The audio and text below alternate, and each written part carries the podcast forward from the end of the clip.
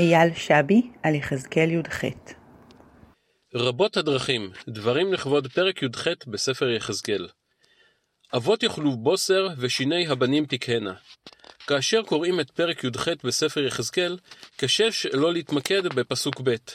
יחזקאל מתנגד לפתגם השגור בפי יושבי ממלכת יהודה. אולם כרגיל, קולו לא נשמע, ואף בפינו במאה ה-21 הפתגם מתגלגל על כל לשון. עם זאת, את עיניי צדו שני פסוקים בהמשך הפרק. ואמרתם, לא ייתכן דרך אדוני, שמעו נא בית ישראל, הדרכי לא ייתכן?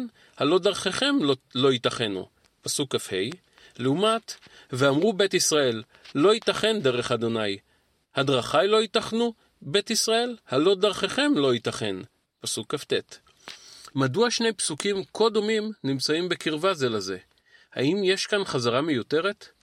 חלקם הראשון של שני הפסוקים דומה, אולם יש הבדל תחבירי בין הסיפות של שני הפסוקים. בפסוק כ"ה, דרכו של האל יחידה, ודרכי העם רבות. בפסוק כ"ט, דרכיו של האל רבות, ודרכו של, של העם יחידה. נראה לי שמטרת החזרה היא להעמיד דברים על דיוקם מול אנשי יהודה. ייתכן שאתם חושבים שדרכו של האל אחת היא, דוגמטית, בבחינת כי אני אדוני לא שניתי, כלפי הדרכים הרבות של העם, והיא להעניש את החוטאים. יחזקאל מתקן את אנשי יהודה.